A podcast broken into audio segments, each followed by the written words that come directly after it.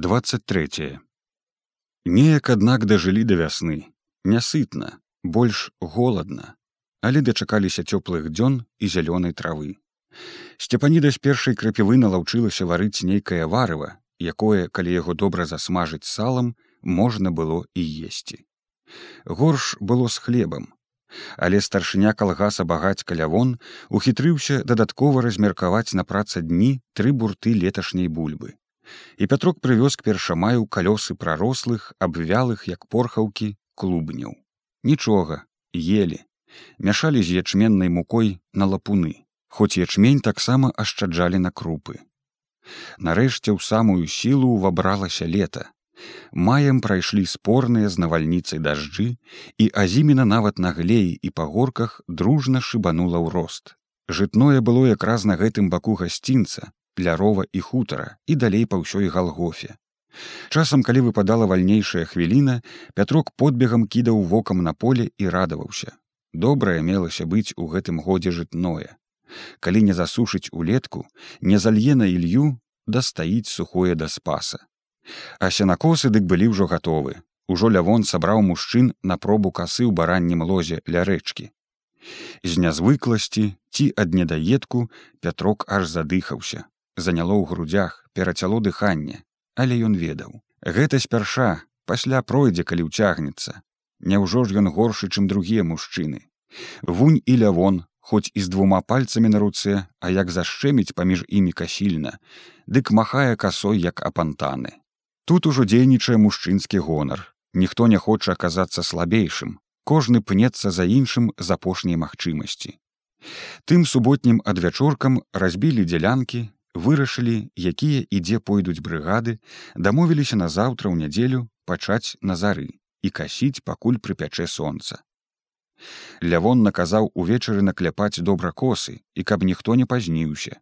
У канцы дня меліся падвесці вынікі, і якая брыгада скосіць больш тую тады на чырвоную палавіну дошки а тую што менш на чорную другой брыгадзе выпаў якраз лягчэйшы ад ельніку бераг поплава трава там была ніштаватая але і не дужа высокая меліся пэўныя шанцы абагнаць трэцюю брыгаду гразёўцаў і папасці на чырвоны бок дошки на тым і разышліся позна ўвечары з псаломшчыкавага подворка дзе гады тры як асталявалася кантора калгаса. Пятрок спяшаўся ў сваю яхімоўшчыну, бо трэба было паспець накляпаць касу. Менташка ж у яго была дужа кепская. Кавалак бруска бы абмылак заціснуты ў драўляныя тронкі. Такім пакуль наменціш касу іншыя абыдуць цябе далёка.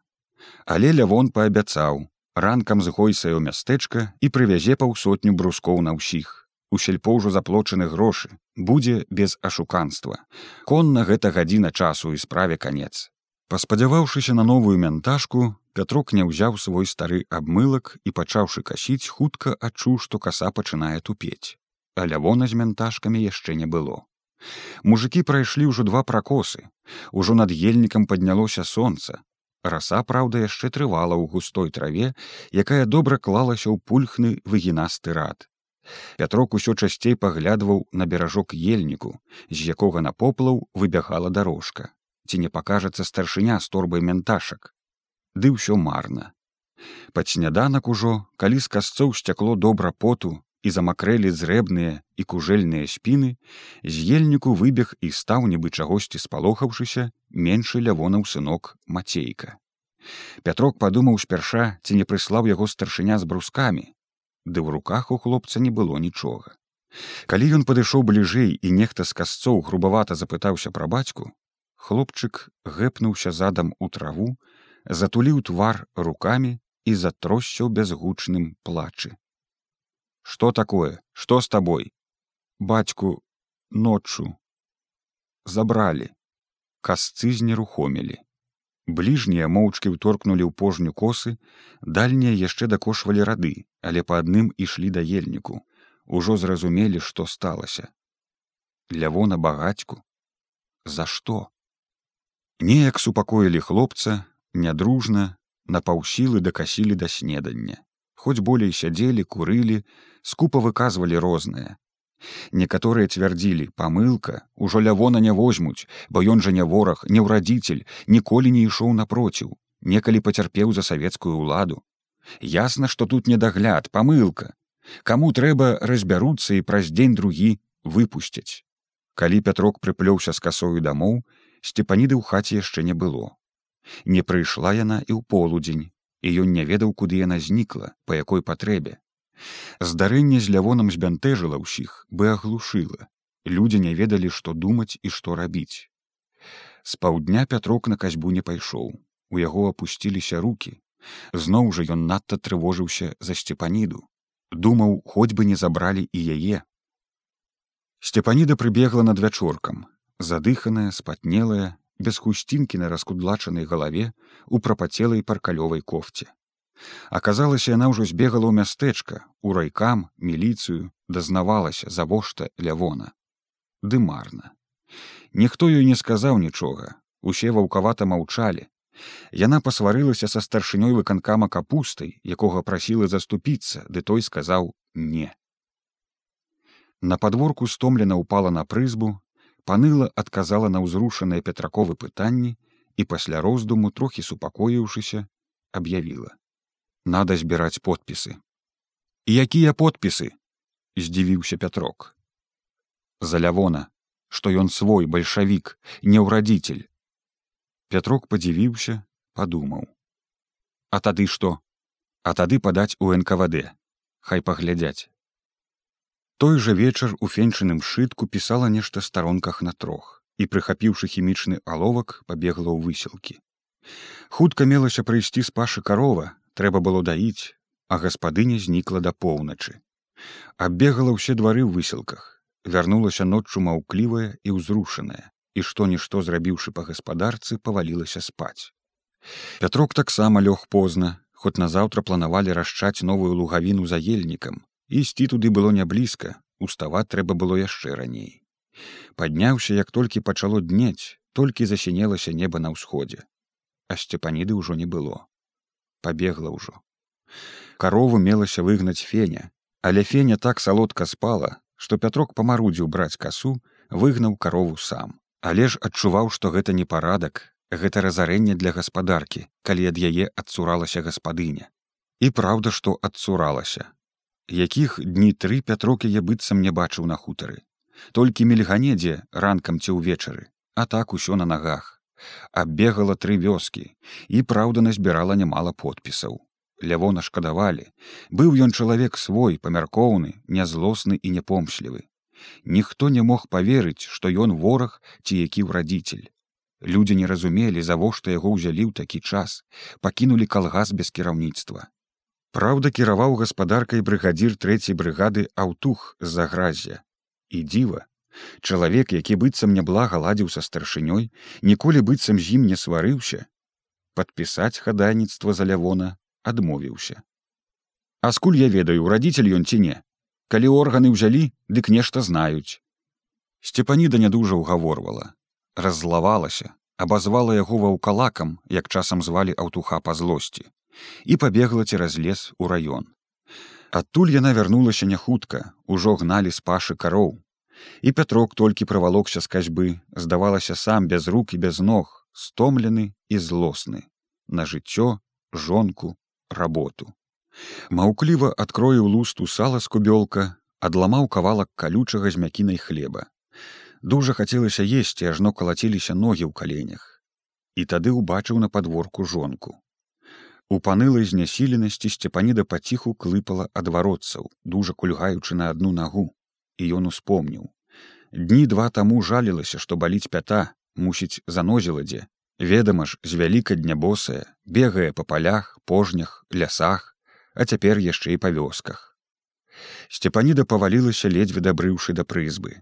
Трохі пасля пятрок падышоў да яе коўтаючы ў бяззубым роце цвярдую скарынку. Ну што што сказалі во вярнулі яна кінула на прызбу складзеную ў чатыры столкі паперыну ай-яй что ж рабіць а я знаю. Яна спрабавала ўстаць і тут жа асела долу. Пята балюча нарывала. Без кія сцепаніда ўжо не магла перайсці ў хату. У той вечар яна нават не даіла карову. Неяк падаілі пятрок з дачкой.